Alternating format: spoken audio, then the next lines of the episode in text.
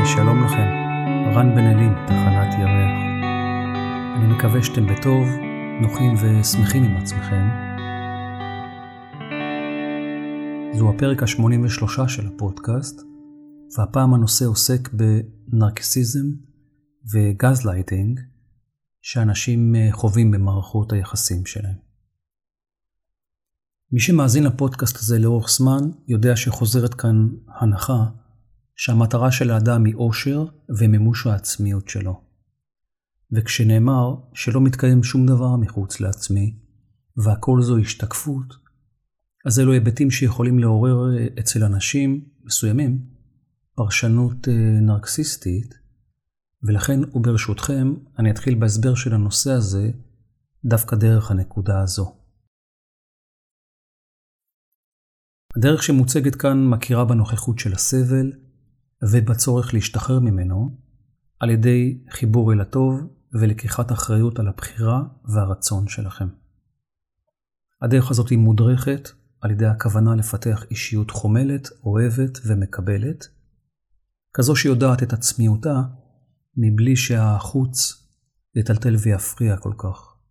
ולכן גם ניתנת לאותה התפתחות של עצמיות קדימות על פני האחדות. כי זו ההתחייבות הראשונה של האדם, ורק ככה הוא יוכל להכיר ולדעת את עצמו. ועדיין, כמו שנאמר פה לא מעט, היעד הסופי של האדם הוא אחדות עם הכלל שאליו הוא שייך, כי כולנו אחד. אחרי או בזמן היכרותו של האדם עם עצמו, הוא יכול כמובן לבחור לממש את עצמו דרך האחדות, ואז uh, לפעול בנתינה ועשייה למען בני אדם, או למען אחדות משותפת, אבל בכל מקרה, מבלי לבטל את עצמו. מי שאוהב את עצמו, לא יפגע בעצמו, ולכן הוא גם לא יפגע באחרים. כשבנוסף אפשר לומר שאחריות אישית היא הידיעה שהכל מתקיים בתוכי, ולכן הכל זה אני, גם מה שלא נוח לי לקבל בעצמי.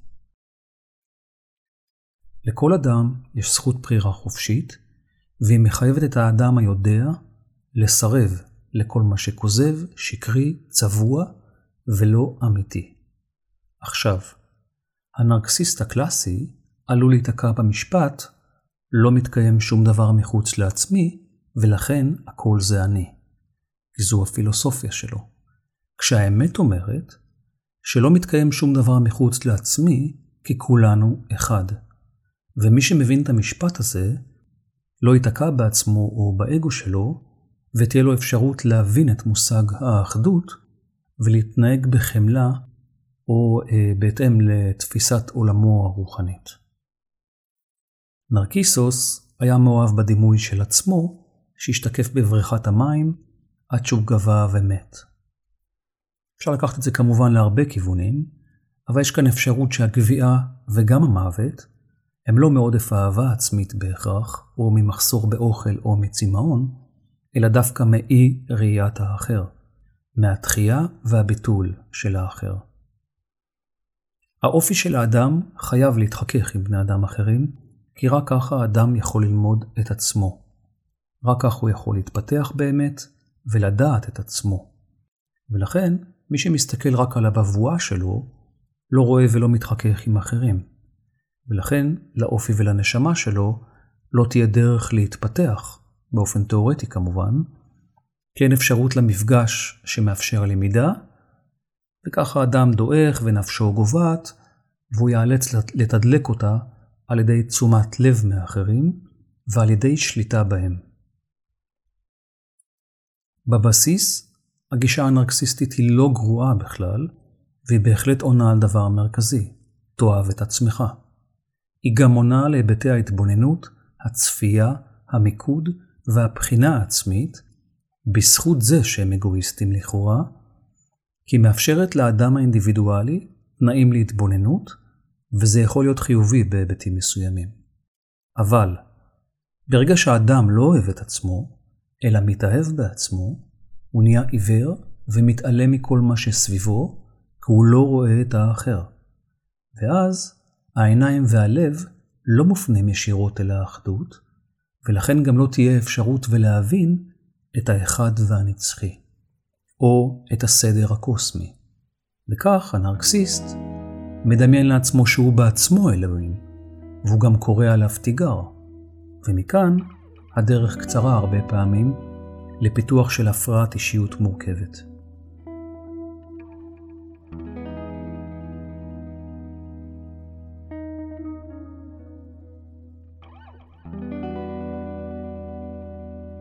כמו תמיד, אני רק רוצה לומר שאני לא בהכרח יודע או מבין משהו על העולם הזה, ואני מביא לכאן מחשבות ורעיונות בלבד, ואלו לא אורים ותומים. ולכן, זה לא טוב וזה לא רע. לא גבוה או נמוך, ומומלץ להישאר פתוחים.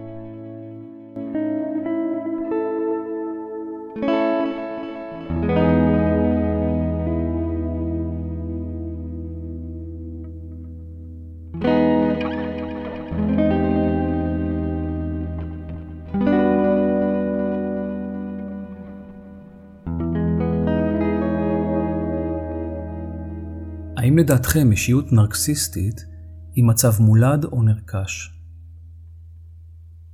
כנראה שתוכלו לענות על זה אם תענו ראשית על השאלה האם האדם הוא טוב מיסודו או רע מיסודו. כדי לנסות להשיב על זה, אני אפנה ברשותכם אל התרבות הסינית שעל ברכיה גדלתי, ואספר לכם שהיו ויכוחים גדולים בשאלה הזו.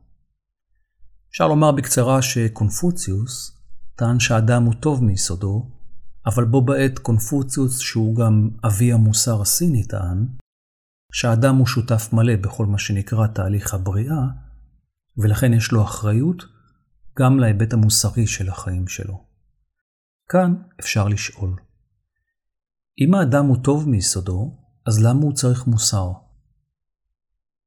אפשר לומר, במידה של צדק אולי, שהתנהגות ספונטנית שנובעת מכוונה טובה, תהיה מועילה לאדם יותר מאשר הגדרת הגבולות של האסור והמותר, הטוב, הרע והמוסרי, שאולי רק מגבילים אותו להתנהגות אוטומטית, ולא כזו שמתמסרת אל ההרגשה האמיתית שלו בכל רגע.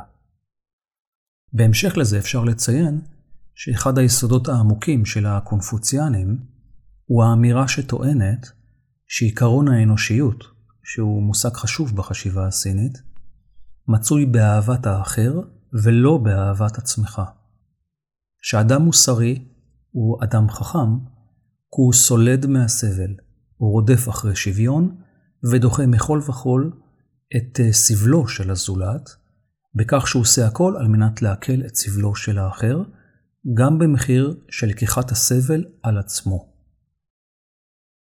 וכאן אפשר לשאול, איך אדם יוכל לאהוב את האחר אם הוא לא אוהב את עצמו? ואם הוא אוהב את עצמו, האם זה אומר שהוא נרקסיסט? הסבל של האדם נובע מתפיסת עולמו, ממחשבתו ומהתנהגותו. וזו בחירה, יש לו אפשרות לבחור אחרת ולשנות ההתייחסות שלו לעצמו ואל מושג הסבל דרך הרחבת המבט שלו על מושגי המציאות שלו. וכאן חשוב לי לומר. לעזור לאחרים ולהקל על הסבל שלהם זה מצב עילאי וזכות גדולה. ועדיין כדאי לדעת שחובה עלינו לכבד את הבחירה של האחר. ולכן אני יכול לשאול, מי אני בכלל שאני אקח את הסבל של אה, מישהו אחר על עצמי, שהרי אני מכבד את הבחירה שלו, למרות שהיא מעוררת בו סבל. כי אני לא תמיד ער וגם לא תמיד יודע מהי המהות, הייעוד והעומק של הבחירה של האחר, וגם מה המטרה האמיתית שלה. ולכן, לכל דבר יש תכלית שמתבטאת בפעולה, ולכל דבר יש השלכות שלעיתים הביטוי שלה הוא גם סבל. ועדיין אין טוב ורע. גם טיפוס אל הר האברסט הוא פעולה שההשלכה שלה היא ברובה סבל, ועדיין זה סמל לפסגת השאיפות של רבים. וכנ"ל גם לגבי בחירה זוגית למשל, שגם אם קיים בה סבל, עדיין מתקיימים בה במקרים רבים איזה שהם תהליכים חשובים להתפתחות ולהגדרה העצמית ולמידת האדם את עצמו בתוך מערכת יחסים, כעובדה שאנשים נשארים גם בקשרים זוגיים כאלה למרות הסבל. ואני רוצה להזכיר לכם עוד נקודה. האדם לא תמיד יודע מה הוא רוצה, אז לעתים הוא לומד קודם מה הוא לא רוצה. וכן, זה יכול לקרות גם בזוגיות. הניסיון למגר את הסבל ואת התסכול בכוח ובהכחשה, או להשליך אותו על מישהו אחר ולא לקבל אותו בעצמך, רק מעצים ומנפח אותו. לעתים האדם מפתח גישה של אישיות קורבנית, סובלת ודרמטית, כשמצד שני אפשר לומר שיש בני אדם שלוקחים את הסבל של אחרים על עצמם, והם עושים את זה כמובן מטוב לב ומתוך אה, רצון להיות נאהבים בעצמם, כי הם אוהבים את הפוזיציה של המושיע, כי הוא תורם רבות לדימוי העצמי שלהם ולאגו שלהם כמושיעים, וכך הסבל של צד אחד הופך לעתים להיות כלי פעולה עבור שני הצדדים. עבור הסובל ועבור המושיע, בלי להבין שהרבה פעמים שניהם קורבנות של הסיטואציה, כי שניהם לכודים בתוך התפקיד ולא יכולים להשתחרר מהזיהוי התודעתי שלהם בתוכו. ולכן אפשר לומר שבמקרים מסוימים הסובל חי בתודעת קורבן קבועה, ובאופן אבסורדי, המושיע האלטרואיסט הופך להיות זה שמרצה אותו, הוא חייב להציל את הסובל. וכך, הרבה פעמים, דווקא הסובל והקורבן גודל להיות עם הזמן הנרקסיסט, ובמקרים מסוימים הוא ממשיך משם אל גישת המתעלל והנוקם, והגרזן שלו או שלה פועל בשם כל מה שעשו להם בעבר. אבל כעת הם מצאו אובייקט שמוכן לשאת את הסבל שלהם במקומם, ואז יש להם אפשרות להתנסות בתפקיד השולט. ולמה זה קורה? כי הרבה יחסים של בני אדם מושתתים על יחסי שליטה. יחסים מאוזנים בין אה, בני אדם יכולים להיות מושתתים על אהבה, מטרות משותפות, על נשיאה משותפת בנטל, על רגעי התעלות והרגשת שיתוף וחברות, ועדיין הסבל והתסכול יכולים להיות קיימים. הפתרון הרבה פעמים הוא להתייחס אל הסבל כעובדה, לקבל אותו באמת, ורק אז אפשר וצריך להתעלם ממנו, וכך הוא יפריע פחות, כי העצמיות היא מעבר למתקיים ומעבר למזוהה. או במילים אחרות, הנשמה שלכם אולי לקודה בגוף חומר, וזאת עובדה, אבל ידיעת ההוויה שלכם, שהיא מעבר לגבולות החומר, מאפשר את השחרור האמיתי מהסבל. גם הוגים אחרים בתקופתו של קונפוציוס חשבו על הסוגיה הזו, והם הבינו שבני אדם פשוט לא אוהבים את עצמם. הם טענו שהאדם הוא רע מיסודו, ולכן הטוב היחידי שאפשרי עבורו הוא זיהוי נכון של המציאות על ידי התודעה, הבנת המושגים והרצון העצמי, פיתוח גישה אנושית ואוהבת, התבוננות על המציאות מעיני התבונה, ובניית הגשר שבין התודעה למודעות. אחרת, ובמצב של חוסר איזון תודעתי, עלולה להתרחש מלחמת רגש שכל, והרגש שדיברנו עליו רבות כמניפולטור ועצמאי, יסית ויהרוס, יבטל אנושיות ואמון, וילך נגד הבחירה.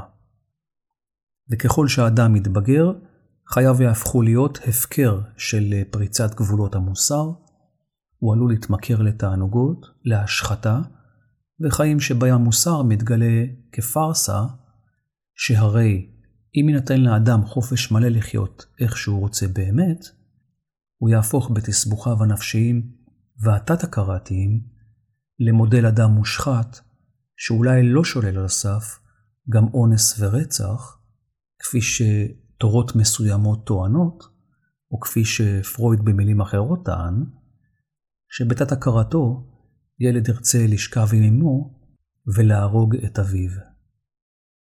ולמרות שזה אולי נשמע מגוחך, החשיבה הזאת, או צורת החשיבה הזאת, רק הצדיקה וקבעה שהצד האפל של הרגש לא יכול להיות משוחרר ולהתהלך חופשי בעולם הזה, כי ככה האדם יחיה בזיהוי שגוי מבחינה רגשית ותודעתית, ולכן יש לשלול ממנו את החופש להחליט על עצמו. צריך להשגיח עליו ולקבוע עבור האדם מה נכון ומה לא מבחינת מוסר, גבולות, משמעת והסכמה חברתית, כי עולה החשד שכל בני האדם חיים בפוטנציאל לפתח מחלות נפש, ולכן חייבים לשלוט עליהם, לקבוע להם תנאים, גבולות והגדרות. בואו נעשה סדר. קונפוציוס קורא לכם להיות אנושיים, וזו כמובן המעלה החשובה ביותר, וזה נכון. אבל הוא גם קורא לכם לוותר על עצמכם למען סבלו של האחר. וכאן הוא אמר כך: קטונתי אמנם, אבל אם אדם מוותר על עצמו ומזדהה עם סבלו של האחר, הוא מאבד את עצמו. אם הוא יודע את עצמו וחומל את האחר, הוא נמצא בעמדה הטובה ביותר להועיל לאחר, כי הוא בוחר לעשות את זה ממקום ניטרלי ומרצונו החופשי, ולכן ולכאורה בלבד. ולשם הדוגמה, האגואיסט שבוחר לעזור, לתת ולחמול את האחר, יביא לכאורה יותר תועלת מאלטרואיסט מרצה שאין לו ברירה, אלא לתת ולקחת על עצמו את הסבל של האחר. כי כל הדימוי העצמי שלו והרצון שלו להיות נאהב בעצמו נשען על זה שהוא המושיע. וזה שיא האגו במסווה של מסכת פנים מחייכת, כשלמעשה אדם כזה עלול לאבד לאט לאט את זהותו ולהסכים למחוק אותה, ובמקרים רבים הוא אפילו לא יודע את זה. מבחינה חברתית, אדם עם דימוי של מושיע יהפוך כמובן להיות גיבור ומוערך בעיני האחרים. ומצד שני, החברה תוקיע את האגואיסט, וגם תתייג אותו במקרים רבים כנרקסיסט. אינני קורא לאגואיזם כמטרה כמובן, אלא רק מציין שלטעמי זה שלב הכרחי בהתפתחות. כשאדם פורש ממשפחתו ועוזב את אשתו וילדיו והולך להיות נזיר, הוא עושה מעשה אגואיסטי מאוד ביחס לבני משפחתו. אבל אי אפשר להתעלם מזה שהמטרה האמיתית שלו היא התעלות, ולא רק עבור עצמו, אלא עבור משפחתו ועבור הכלל. כי כנזיר הוא ישרת אחרים עד סוף ימיו, וכדי לעשות את זה באמת, הוא חייב לדעת את עצמו קודם. או במילים אחרות, האדם חייב לדעת ולהכיר את האחדות הרחבה, כי היא האמת המוחלטת. אבל אתה תדע את זה רק אחרי שמימשת את עצמיותך קודם. ולכן, המעקף האלטרואיסטי נולד מהתפיסה שהאדם לא יכול לממש את עצמו באמת. הוא גם לא יכול לחשוב בעצמו או לנהל את החיים שלו בעצמו כאינדיבידואליסט, כי הוא לא רוצה להיות אגואיסט, והוא לא רוצה שידבק בו הדימוי הזה, וכך הוא נסחף להיות חלק מעדר שבו הוא יוותר על חירותו ויעסוק בריצוי אחרים, וכך הוא יתרחק מעצמו. הוא ייקח את סבלם של אחרים עליו, במסווה של טובת החברה, שהופכת כמובן עם הזמן להיות טובת השלטון. ואת הביטו סביב, תבינו איך זה קורה בפועל גם כעת. ואם תרחיקו מבט ותסתכלו למשל על סין, אתם תראו שכל סיני מחויב לציית לקוד חברתי ברור בשם המפלגה, החברה וטובת הרוב, כי הזהות שלך היא הקולקטיב. וכאשר המדינה, שכל תפקידה הוא לדאוג לזכויות אדם, מועלת בתפקידה, האדם יאבד את זהותו והופך להיות עבד. וזה קיים גם במערכות יחסים, גם בזוגיות, ביחסי עובד ומעביד וביחסי הורים וילדים. הדרך הטובה ביותר לשלוט באנשים היא על ידי נטיעת אה, רגשות אשם בתוכם, פחד, תחושת ריצוי, לגרום להם לוותר על הרצון שלהם, לפתח אה, בהם תחושת קורבנות, ולהסיט את העדר לנושאים שוליים, על מנת שהעדר לא ידרוש את חירותו, ויממש את זכות הבחירה החופשית שלו, או את זכות הסירוב שלו. הוזכר פה לא מעט פעמים שהנשמה שכחה את המקור שלה, התאהבה בעולם החומר, והפכה אותו לאלוהים יחיד על ידי מרדף אחרי תוצאה, ולכן יש בלבול רב באדם ובתפיסת המציאות שלו, ועדיין, ומבחינה רוחנית, אפשר לומר, הנשמה היא נצחית, ולמרות זאת, הגוף של כולנו ימות יום אחד, ולכן המוות הוא הפרדוקס הנצחי והנושא המאיים ביותר, המפחיד והוודאי ביותר בחייו של האדם. מבחינה חומרית האמת אומרת, שבני אדם מכורים לכסף, ולכן הם תמיד ישלמו מיסים, ותמיד ירצו שאנשים אחרים יעבדו בשבילם. ולכן אומר, האדם מפחד מהמוות שלו, כי הוא רואה את חייו כהתחלה וסוף, ולא כתהליך נצחי. השעון המתקתק ובגידתו של הגוף היא עובדה שהוא עושה הכל על מנת לעכב אותה. בו בזמן שעולם החומר מבקש הרבה כסף כדי לשלם מיסים או כדי לא לשלם מיסים, וכדי לשלוט באחרים שיעבדו עבורך, כי זו תמצית ההצלחה החומרית. כוח, שליטה, כסף ותחיית רעיון המוות. וזוהי גם מטרתו של הנרקסיסט, אחרי שהוא נמצא בטריטוריה של הפרעת אישיות, וכל כולו מקוון לכוח, שליטה, כסף ותחיית רעיון המוות. האם לדעתכם לסגנון החינוך המודרני, שבו רבים מהילדים מועצמים ומתודלקים על ידי המערכת או על ידי ההורים שלהם, למרדף אחר התוצאה ולמצבי התנהגות של הכל מגיע לי, יש קשר לתופעה הרווחת הזו. כשהמדינה אמורה לדאוג לזכויות אדם והיא מועלת בתפקידה, ילדים לומדים שלשלוט בעם אחר זו לא בחירה, אלא מצב של אין ברירה, הלא אנחנו הקורבנות. תודעת הקורבן משאירה את האדם כלוא בתוך תפקיד של עבד, ובני אדם מביאים את הנושא הזה לבדיקה גם בתוך מערכות היחסים שלהם, כי הרבה מערכות יחסים מבוססות על יחסי שליטה על האחר. יש שולט ונשלט. כשמחנכים ילדים לכך שרק התוצאה חשובה, אז זה מה שהם לומדים בגן או בבית ספר, וכמובן גם בתכנים של המדיה, ברשתות חברתיות ובמשחקי מחשב. כל אלו פועלים, מפעילים ומבקשים כוח, שליטה, כסף ותחיית רעיון המוות. והדרך לגרום לאדם להתמכר אליהם היא בדרך ההפוכה, דרך הפיכתו לקורבן, דרך אפסותו, דרך הכוונה אל המכנה המשותף הנמוך ביותר, דרך רגשות אשם, ריצוי ושנאה עצמית. וכדי לפתור את זה, יש כאלה שינסו לגדול ולהיות אלה ששולטים באחרים בעצמם, כשהם מתאמנים אחד על השנייה במערכות יחסים, על מנת לפתח בעצמם עמדת כוח, שליטה, כסף ואת תחיית רעיון המוות, וכשזה מחמיר ונרקסיסטי ומתעלל, זה יהיה ביטוי כושל וניסיון לעלות לדרגת אלוהים. דרך שליטה שמראה לאדם האחר את אפסותו, דרך תרמית ושקרים, דרך הכחשה, רגשות אשמה, גז לייטינג, תחושת קורבן, ועל מנת לגרום לאדם האחר להרגיש את מה שהנרקסיסט מרגיש בעומק ליבו. שנאה עצמית. כי רק מי ששונא את עצמו מתעלם מהבריאה ומהאלוהות.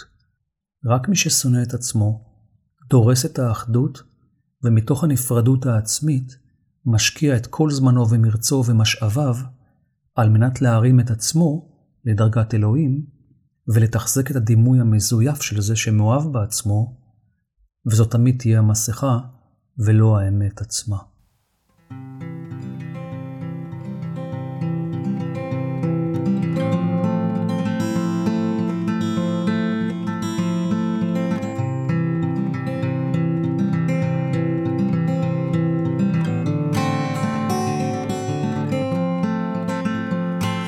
Search for you.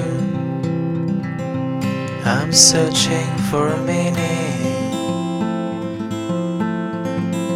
I search for you.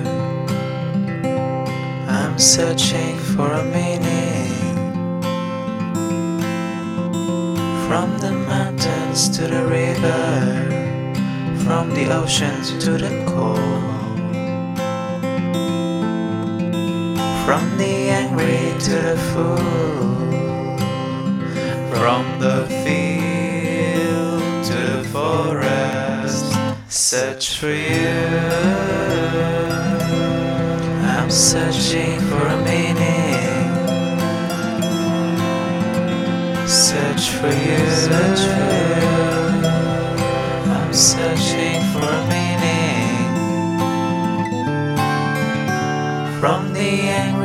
To the cool.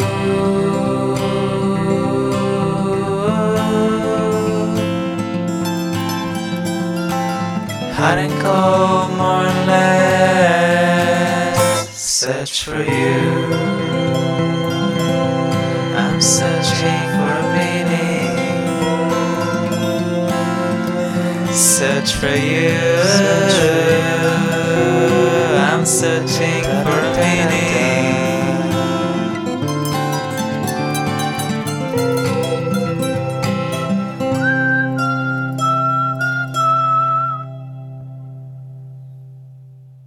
רוצה לשתף אתכם בשאלה שהופנתה אל הפודקאסט בנושא הזה. אני נהנה מאוד לשמוע את הפודקאסט שלך ומוצא בו הרבה עניין. האמת, רציתי לכתוב לך כבר מזמן, אבל לא מצאתי את הפנאי הנפשי לכך. אני נמצא בעיצומו של תהליך החלמה מפגיעה שחוויתי בקשר זוגי עם אישה נרקסיסטית. אני מציין את הנקודה הזאת כי היא קריטית להמשך. לאחרונה שמעתי את פרק 80, למה אני חי, ואני חייב להודות שהסיפור כתוב היטב, עד כדי כך שבחלקים ממנו הרגשתי שהגיבור אמיתי והוא זה שכתב את המכתב. נהניתי ללמוד לשמוע את הפרק עד הדקה 32 בערך, שם התחיל הוויכוח בין הגיבור לבת זוגו, וכאילו חזרתי לרגע לקשר שלי עם uh, עצמי, עם הבחורה. ומצאתי לא מעט הקבלות בין הוויכוח שם לבין המציאות שהייתה שלי. אופיו של הקשר איתה היה מאופיין במציאת פגם והטלת דופי בכל מעשה או החלטה שלי. במקום שמיעת רצונותיי והעלאת רצונה לשם דיון שבסופו החלטה משותפת, עלו הקטנות שנועדו לגרום לי לבחור ברצונה בסופו של דבר. בהתחלה מתוך רצון לשמור על שלום בית, שהפך פתח להשפלות שעם הזמן ערערו את תפיסת המציאות שלי וגרמו לי להתרחקות מעצמי. המילים שהאישה בסיפור שלך אמרה, למה כל הגברים הפכו לקוקסינלים, מלא חברות שלי מרגישות ככה, וגם שאתה אדם שכל הזמן נמצא בבלבלה עם עצמך, מתלבט ובורח מהאחריות, היו נחלת אוזניי במשך תקופה של מעל לשנתיים בצורה כזו או אחרת. הטלת ספק בכל צורך או רצון שלי היו הספורט שבו היא הצטיינה, וכך תפיסת המציאות שלי התערערה במשך הזמן. הייתי שמח מאוד אם הגיבור היה מחליט בסופו של דבר לנתק את הקשר עם האישה שלא מכבדת את החלטותיו, אבל במקום זה היה נשמע מדבריך שאתה קצת מגבה את אמרותיה בגין הבריחה של הגיבור של הסיפור מהאחריות. כשהיא אומרת, תעשה את זה בכל זאת, ואז תגלה שזה מה שאתה רוצה, עלתה במוחי השאלה, האם לשם אנחנו שואפים? לקבל החלטות מתוך לחץ. אין ספק שהגיבור של הסיפור שלך היה צריך להחליט לכאן או לכאן, ומפה נבע הלחץ שהוא הרגיש ממנה וממשפחתו, ואולי מתוך רצון לרצות את כולם, הוא הרגיש שהוא מוותר על עצמו. אם הוא היה מחליט, כנראה הוא היה שלם עם עצמו. אבל, הישארות בקשר שבו רצונותיו של אדם לא מכובדים, היא לדעתי פסולה. בקשר כזה את מקום הכבוד תופסים השפלות והקטנות, שבמהרה הופכים לאלימות, שקרים ובגידות, כמו במקרה שלי. תודה רבה לך על השאלה, באמת מעומק הלב. עניתי לך בקצרה בפרטי, וכעת ארחיב מעט עד כמה שאוכל. אני מספר סיפורים בפודקאסט שאין להם בהכרח סוף טוב, כמו שאנשים היו רוצים לשמוע, כי זה לא ערוץ החיים הטובים. אני מחפש להביא לכאן שיקוף למצבי חיים אמיתיים וכנים ואמיתיים, וכפי שהם באמת, ומשם לנסות לפעול ולהראות דרך פעולה אפשרית לטובת שני הצדדים. כמובן שאני לא מצדד בהתנהגות נרקסיסטית, כי אני מבין שיש לה השלכות, אבל עדיין אני מכבד את הבחירה של בני אדם לחיות אחד עם השנייה, גם אם הבחירה הזאת היא קשה ולעיתים בלתי אפשרית. אני עושה מאמץ גדול לא לשפוט את הסיטואציה מבחינת נכון או לא נכון, אלא יודע שלכל דבר יש השלכות, ולכל התנהגות גם יש מחיר, מבחינת זיהוי התודעה ותפקוד תקין ומאוזן שלה. ויש רבים שבהתנהגותם הכפייתית ויחסם לעצמם ולאחרים, שורפים לעצמם את הגשר שבין התודעה למודעות, אבל זו זכותם כמובן, כי זה עולם של בחירה חופשית, וגם הרס עצמי הוא תכונה אלוהית. אני קורא לי, לך ולכל מי שמקשיב כעת, לדעת ולהבין את עצמיותכם, לקחת אחריות על הבחירות שלכם ולנהל את החיים שלכם על פי הרצון, על פי התורם, הטוב, האוהב, הנותן והמקבל, אבל אנא, לעשות את זה גם בסיטואציות לא נוחות ונעימות. כל הפודקאסט הזה הוא קריאה לחזור הביתה אל עצמך, ולא לשכוח שבסוף, אחרי ידיעת עצמיותך, אתה רוצה להיות ולחיות באחדות. אם כי דבריך, הישארות בקשר שבו רצונותיו של אדם לא מכובדים היא פסולה, אז לא היה דבר כזה בעולם שנקרא זוגיות, כי האמת אומרת שרבים לא יודעים מה זה בכלל כבוד לאחר, כי הם לא אוהבים את עצמם. רבים גם לא יודעים מהו הרצון האמיתי שלהם, אז איך בדיוק הם או אחרים יכבדו את אותו רצון נעלם? רצון אמת עובד על מהות, לא על משחקי שליטה ואגו. איננו מכירים, ואני באמת רוצה לעזור לך, אבל כדי שיתייחס לעומקם של דברים, אני הזמנתי אותך לענות על שלוש שאלות. שאלה ראשונה, מהי האחריות שלך בזוגיות הזאת ולמה בחרת בה?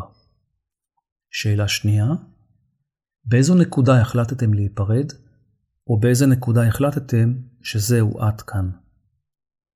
שאלה שלישית, עד שעזבת, למה בכל זאת נשארת? וזה מה שענית. היי רן, תודה על תשובתך המנומקת. כבר הרבה זמן אני מתחבט בשאלה מה האחריות שלי בזוגיות שהייתה לי, ואם בכלל. אני מודה שרוב הזמן אני לא מוצא תשובה מדויקת לשאלה הזו. אספר לך את סיפורי בקצרה, על מנת שתוכל להבין, ואולי גם אני אוכל להבין מתוכו. פגשתי אותה לפני כמה שנים, כאשר באותו הזמן אני לומד הרבה על אהבה, נתינה והכלת הפגמים של האחר.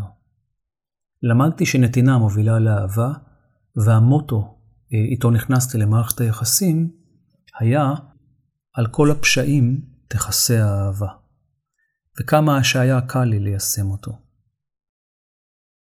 כל חיי ויתרתי על עצמי, הקרבתי את רצונותיי למען הזולת, בתוך המשפחה ובעיקר למען בנות הזוג שלי. רציתי להקים את המשפחה שלא הייתה לי בילדותי. אף אחד לא לימד אותי מהו הגבול שאותו אסור לחצות, הגבול שבו אדם מאבד את עצמו לטובת האחר. הבנתי שמדובר במשהו שונה ממה שהכרתי עד אותו זמן. הדיבור שלה היה מאוד שונה, מאוד נקי ורך, והרגשתי שהיא רואה אותי בצורה מדויקת. מהר מאוד התחילה גם התנהגות מאוד עודפת, מסתגרת וקצת אלימה. בשלב הזה, במקום לעצור במקום הזה, התחלתי לחבר נקודות לבד, ושייכתי את זה לסיפורי העבר שלה, אלימות ואונס שהיא חוותה. ובהשראת המוטו, גייסתי את כל כוחותיי על מנת לסלוח, להכיל ולשכוח. גודל ההכלה, גודל הכאב. עם ההכלה שלי, האלימות שלה רק הלכה וגדלה. הבטחתי לעצמי והאמנתי שזה זמני, ושיש בה הרבה מעבר לאלימות שלה, ואני עדיין מאמין בזה, שברגע שהיא תראה שאני עושה שינויים עבורה, היא תשתנה עבורי, והיא ראתה את זה. מסתבר שנתינה אכן מובילה לאהבה. השינויים שלי הובילו להתעצמות האהבה שלי אליה, והיא הלכה והתרחקה. בכל פעם שהיא רצתה שינוי או שדעתה תקבע, והיא ידעה שאני אתנגד, היא הייתה יוצרת ויכוחים, שבמהלכם היא הייתה מגדפת אותי, מתיחה בי עלבונות, ולבסוף נעלמת לי ימים עד שאסכים ממה שהיא רוצה, וגם אחרי שהייתה מתרצה, זה היה רק אחרי שאני אכתוב לה במפורט מהו הלקח שלמדתי, ומה הנקודות שאני הולך ליישם מעתה ואילך. בד בבד, עם השינויים, איבדתי את דעתי והתחלתי לפקפק בעצמי, עד שבסופו של דבר, דעתי הייתה דעתה, ודעתה הייתה דעתה. גם המכות שספגתי ממנה לא היוו גבול עבורי, וגם אז סלחתי לה פעם אחר פעם, אפילו מבלי שהיא תיקח אחריות. ולמרות שחיצונית עמדתי על שלי ודרשתי שינוי, היא אמרה שהיא מרימה ידיים עליי בגללי, שאני זה שגורם לה לאבד את העשתונות. ואם להיות אמיתי איתך, האמנתי לה. מצבי הנפשי הידרדר מדחי אל דחי. בד בבד אני מזניח את ביתי ומשקיע את כל כולי בביתה ובילדיה. נוצרה מערכת יחסים של תלות מצידי, והאישה שמולי קיבלה את הסגידה שהיא רצתה לקבל. כשנתיים לאחר תחילת הקשר, וחצי שנה אחרי שהתחתנו, הגיעה הפעם הרביעית שבה היא הרימה על הידיים. באותה הפעם הגבתי באותו מטבע, והיא סילקה אותי מביתה ונעלמה לשלושה חודשים. מתוך האבל שבו נמצאתי, הבטחתי לעצמי שלא אחזור למצב הזה שוב לעולם. לאחר שלושה חודשים היא הגיעה לביתי והיא ביקשה שניתן הזדמנות נוספת אה, לקשר, והסכמתי, והיא שוב הרימה ידיים, בפעם החמישית, הפעם עירבתי משטרה. לאחר כחודש מאותו מקרה, הבנתי שכלום לא השתנה, ואמרתי שהקשר הזה צריך להסתיים. תוך מספר שבועות הדאגה אליה גברה בתוכי, והתחרטתי. הפעם היא לא הייתה מוכנה לשמוע, וסיימה את הקשר סופית. היום אני לומד לאט לאט איפה עובר הגבול בין נתינה לבין הקרבה, מה שבטח נשמע קל להרבה מאוד אנשים, אבל מסתבר שגם ממש לא ברור ומובן עבור אנשים אחרים. מקווה שעניתי על שאלותיך. כולי תקווה שתשתמש בסיפור כרקע לפרק, ועליו תבנה את השקפת עולמך על מנת להועיל לאנשים שחוו או חווים אובדן זהות עצמית בתוך מערכת זוגית בכלל, ובכזו עם אנשים אלימים נרקסיסטים בפרט. Thank you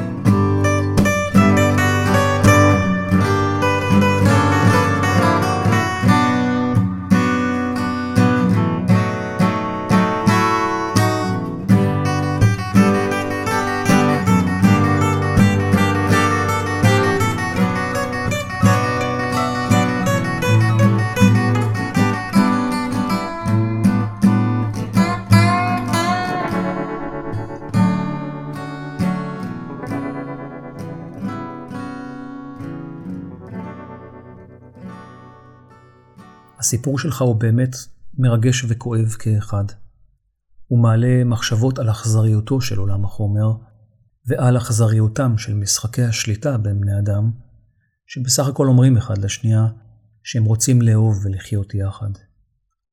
הוא מספר על הנאיביות שלך ועל הרצון שלך באהבת אמת כנה דרך האמירות שאמרת. אני לומד הרבה על אהבה, נתינה והכלת הפגמים של האחר. למדתי שנתינה מובילה לאהבה, והמוטו שאיתו נכנסתי למערכת היחסים הזאת היה, על כל פשעים תכסה האהבה, וכמה שהיה לי קל ליישם אותו. כל חיי ויתרתי על עצמי, הקרבתי את רצונותיי למען הזולת, בתוך המשפחה ובעיקר למען בנות הזוג שלי. כל מה שאמרתי בתחילת הפרק הזה הוא עבורך, וכדי שתבין את יחסי הסובלת והמושיע. ואני מקווה שכעת הבנת שהמשך דרך הפעולה הזו של המושיע שאתה רוצה להיות, זה שלוקח את הסבל של אחרים על עצמך, כך זה אתה שמעלה אותה לדרגת אלוהים ומבטל את עצמך, וזו הגישה שמאיימת על שלמותך כאדם, וזה גם החלק שלך בזוגיות הזאת שהיה, האשליה שאתה תוכל להושיע. כאשר אדם מתנהג כמוך, אי אפשר שלא לאהוב אותך. אי אפשר שלא להרגיש רגשות עזים כלפי הרצון, הכמיהה, האמון והתקווה שלך, וכל הכבוד לך על האנושיות שבך, אבל דע לך שהדרך אל הגיהנום רצופה בכוונות טובות. עולם החומר לא מחייך, הוא גם לא צוחק, ואתה חייב ללמוד לכבד את הגבולות ואת המשמעת העצמית של עצמך. אני לא בהכרח יודע משהו, אבל בתחושותיי אני משוכנע שיהיו כאלה שיגידו לך שהנתינה שלך לא הייתה מספיק גדולה. ואני מעריך שאולי אפילו לך יש מחשבות כאלה לעתים בתוך עצמך. ואני אומר לך שנתינה לא מובילה לאהבה, כמו שאמרת. זו האהבה שמובילה לנתינה. ואדם חייב לאהוב את עצמו קודם, ולא לרצות אחרים על מנת לזכות לכאורה באהבתם. כמו ששמת לב, האהבה במקרה שלך הייתה גדולה והתעצמה למרות ההתעללות. והיא עדיין לא כיסתה על כל הפשעים כדבריך, ולכן כדאי לך ללמוד עוד משהו על עצמך. להשתחרר מהתפיסה האלטרואיסטית של המושיע, שמרצה את הקורבן הסובל, כי אתה רואה במו עיניך איך הסובלת הפכה לאט לאט לנרקסיסטית, וערערה את האישיות שלך ואת האמון הבסיסי שלך בעצמך כאדם, וכך הזנתם את מעגל הסבל אחד של השנייה. אתה צריך לחזור הביתה אל עצמך, כי רק כך אף אחד לא יוכל יותר לתעתע בך, כי אתה תדע מי שאתה באמת. לאדם מודע אפשר לומר כל דבר ולנסות לפעול ולהשפיע עליו במניפולציות רגשיות. אבל אני מזכיר לך שסביר שהוא יצחק, כי הוא יודע לדחות את הכוזב, את השקרי, את הצבוע ואת הלא האמיתי. ולכן, הביטחון האמיתי שלך הוא בחיק המודעות ובידיעת עצמך. זוגיות נוחה היא למעשה ביטוי של יחסי נתינה וקבלה המאוזנים. ולא אמרת ולא ציינת דבר שקיבלת, חוץ ממכות ומתעללות. וכעת, אחרי שיצאת מהזוגיות הזאת, אני מקווה שתמצא את עצמך מחוזק, ותגדיר לעצמך גם את מה שברצונך לקבל, כי הביטול העצמי שלך הוא השתקפות לנרקסיזם שלה, כי כל דבר מכיל את זרע היפוכו. אתה רק רצית לתת, והיא רק רצתה לקבל. אתה מחפש אישה קדושה, והיא רצתה להרגיש ככה, כי זה המניע של הנרקסיזם, ולכן על אף ההתנהגות שלה, גם לריצוי שלך יש את התפקיד שלו, שתרם את חלקו לפירוק הקשר. לכל מטבע יש שני צדדים, ובצד השני יש אישה סובלת שעברה התעללות, אלימות ואונס. מה יש לומר בכלל? לעתים נדמה שמידת האנושיות כבר לא קיימת בעולם הזה, ועדיין מישהו עשה לה את מה שהמשיכה לעשות לך, וכעת הכדור אצלך. תאורטית, אתה יכול להשתחרר מתודעת המושיע המרצה, וכך לנסות ולהפוך להיות שולט על מישהי אחרת, דרך כוח, שליטה, כסף ותחיית רעיון המוות, או על מנת לנקום את הכאב שלך ולשחרר את עצמך מתודעת האלטרואיסט המרצה, כי זה מה שהרגש לעתים היה רוצה לעשות בזעם שלו, או שתעצור, תתאחד עם עצמך, תיקח אחריות על הבחירות שלך, ותפסיק לראות את עצמך כקורבן או כמושיע. כי זכית לדעת דרך הזוגיות הקשה הזו, מה אתה לא רוצה. קיבלת סולם שדרכו תוכל לרדת מעמדת המושיע ולהבין איפה עובר הגבול. לדעת לכבד את הבחירה של האחר או של עצמך, ולדעת מה לא מתאים להוויה שלך ומה לא ראוי בעיניך, כי הבנת כבר. נרקסיסטים לא יכולים לפרוח אלא בסביבה מרצה ואל מול בני אדם שעובדים בשבילם. צא משם, מהתודעה הזו כמובן, תעבוד בשביל עצמך. שנה את התפיסה שלך, התודעתית, וחפש זוגיות שלא תעצים את אה, משחקי השליטה, ושלא תצטרך לזכות בה דרך ריצוי האחר, אלא בשל הלב שלך, כי הריצוי וההסכמה לאבד את עצמך היא הבסיס לכל מה שהרסני בתפיסה שלך, ולצערי הרב מאוד, באמת, רק מצב קיצוני של אלימות הוא שהעמיד אותך על דעתך, כדי שתאמר עד כאן. אז הנה, למרות uh, הקושי, היא גם לימדה אותך להציב גבול. למרות שהיא זו שסיימה את הקשר, ויכול להיות שגם הסבל שלה הוא עצום וקשה וכואב, וראוי לחמלה. ואם הייתי צריך לסכם את כל מה שרציתי לומר לך, הייתי מבקש ממך לזכור רק דבר אחד, שתזכור שאתה אדם מרגיש ושיש לך תמיד זכות סירוב. זוגיות ויחסי בני אדם יכולים להיות מפגש מהנה, מפרה, אוהב, תומך וחברי, כי זוגיות היא מפגש בין שתי נשמות שבחרו לעשות כברת דרך בחיי החומר יחד, תוך ידיעת המורכבות, התנאים, החולשות והחוזקות של הקשר האפשרי. זהו מפגש של שני אינדיבידואלים דרך מטרות משותפות, וכך האדם מאיץ את ההתפתחות שלו בשל החיכוך האינטנסיבי, והלא פשוט לפעמים, עם מצבי החיים שבהם צריך למצוא נקודות מפגש, נקודות איזון, נקודות רצון, להסכים על מטרות, לחצות יחד קשרים, לתאם קצב וגובה ורוחב וגודל של חוויה משותפת, ולהגיע ליעד משותף שיפעל לטובת שני הצדדים, ויתבטא כאהבה ושמחה.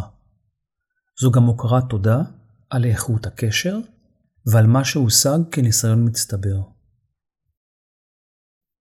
זוגיות היא אתגר, וזה מוצר מתכלה, כי המפגש הוא לצורך שיעור ולא לצורך התאהבות. ההתאהבות היא חשובה כמובן, אבל היא רק שלב, והיא הידיעה שהמפגש הזוגי הוא קוסמי, נכון ומתואם. וזה שלב שבו כל מה שעלול להפריע לא נראה בכלל כבעיה, כי בעיני ההתאהבות הכל ורוד, הכל אפשרי, והכל בר השגה, כי זהו הפוטנציאל האפשרי של הקשר. בהמשך, כשהקשר ינחת אל הקרקע של המציאות, תצטרכו להוכיח את הפוטנציאל הזה דרך עשייה, התנהגות, יחס והוכחת הדרך המשותפת והאוהבת בפועל ובחיים עצמם, כי אתם חיים עם המשלים או המשלימה של עצמכם. האם האדם הוא טוב מיסודו? רבים מבני האדם לא אוהבים את עצמם, אז איך הם יאהבו אחרים? רבים חיים על פי קודים חברתיים, ולכן, ובשל אי ידיעת עצמם, או התרחקות מאותה עצמיות, הם מקבלים את תנאי החברה כאורים ותומים, ואז יש צורך להכתיב להם גבולות, תנאים ומוסר, להכתיב מה מותר ומה אסור, על מנת לוודא שהאדם מתנהג כראוי לטובת הכלל ועל פי כללי החברה.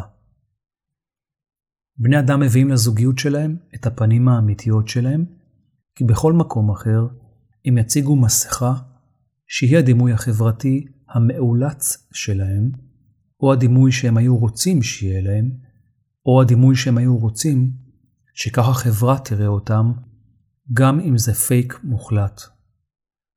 מה שאפשר להסתיר במקום עבודה פורץ הרבה פעמים בין כותלי הבית, וכך אותו אחד או אחת שמאסו בתחושת הקורבן יכולים להביא לקשר האינטימי את תודעת הנרקסיסט או המתעלל שחושב שהכל מגיע לו, ואם הכל מגיע לו או לה, אז הם רוצים כוח, שליטה, כסף ואת תחיית רעיון המוות.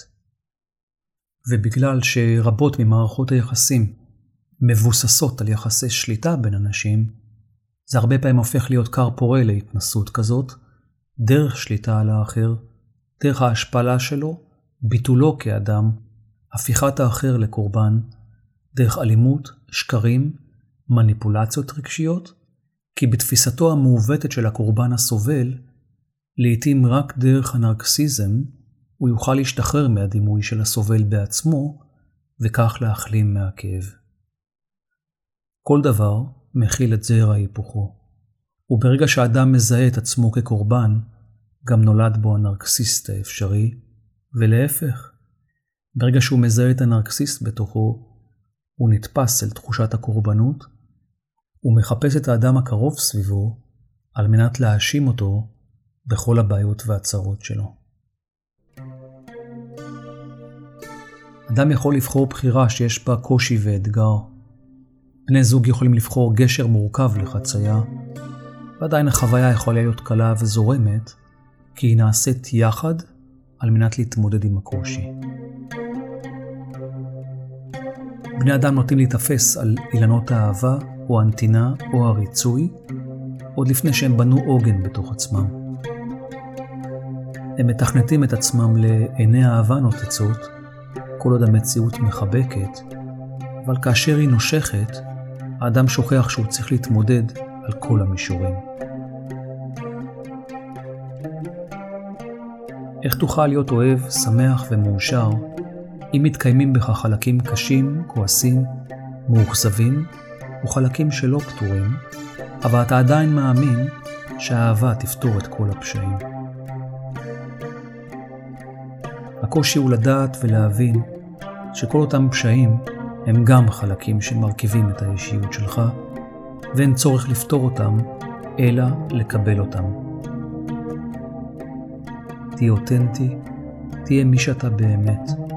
צור לעצמך חיים שמחים, אבל תלמד לא להעמיק בעיה שקיימת, ותדע שרק מתוך ההחלטה יבוא הפתרון. רק מתוך ההחלטה להחליט יבוא האושר ותבוא השמחה. ולכן, הדחיקה של הבחורה בסיפור שלי את הגיבור להחליט כבר מה הוא רוצה, גם אם זה יהיה לכאורה לטובתה, היא למעשה קידום המצב שלו למצב של שמחה ואושר, שיכולים לבוא רק בעקבות ההחלטה להחליט. ואומר לך עוד משהו, גם אם אתה מתלבט, תחליט. מבחינה רוחנית, זה לא משנה מה תחליט, כי גם ככה לא תוכל לבחור משהו שלא נמצא בתוכנית שלך. אבל עצם היציאה שלך מהתקיעות והדילמה ומהרצון לנוע לכיוון אחר, זו כבר עשייה, וכל עשייה מבורכת. כי בהמשך שלה תוכל לתקן את כיווניך תוך כדי תנועה. לשבת בתוך תקיעות ודילמה, ולא לנוע לשום כיוון או לשום מקום, רק מבסס את הסבל ומערער את התשתית העצמית שלך.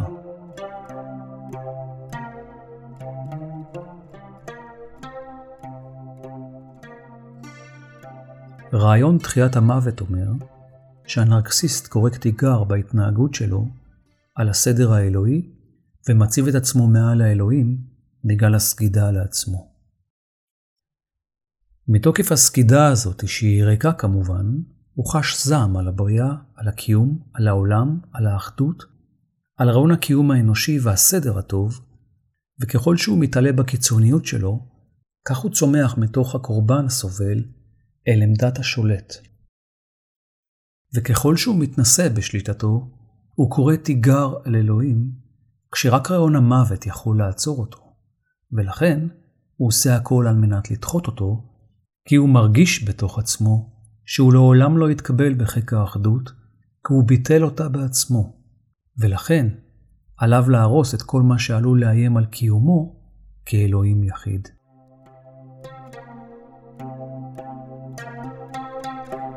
האדם לא בנוי רק מאור ותכונות חיוביות. מה תעשה עם כל השלילי שמתקיים בך? אל תבטל אותו, קבל אותו אל לבך, ותבין שאדם חייב להתמודד על שני המישורים. צריך לקבל את השלילי והחיובי כאחד.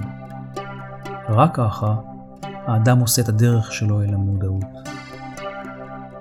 המודעות היא לעולם לא חד-כיוונית, והיא לא אמורה להיות דרך אחת לכיוון האושר בלבד. המודעות יכולה להגיע אליכם רק כאשר תבינו את הגורם שמונע את האושר כולו. וזה לעולם לא יהיה אדם אחר, אלא גורם בתוך עצמכם.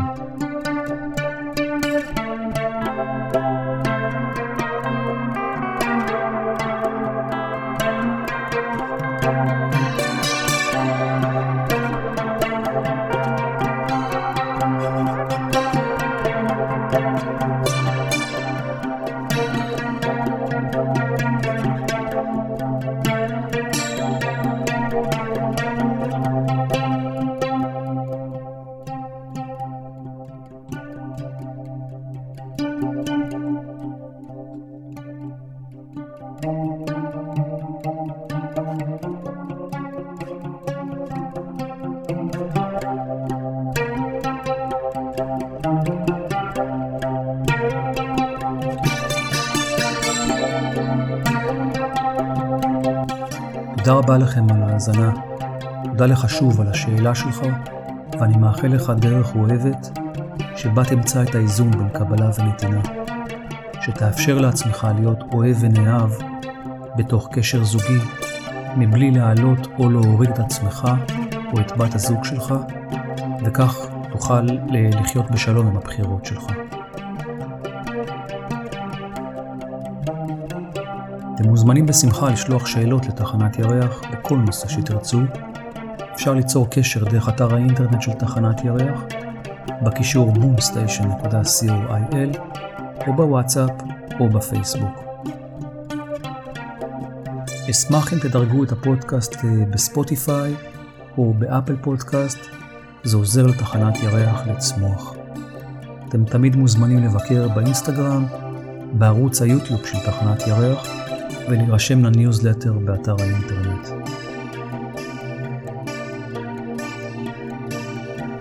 כמו תמיד, תודה לבן שלי עידו על המוזיקה המקורית והמרגשת שלו. אני מאחל לכם ימים טובים ושמחים, ונתראה בפרק הבא.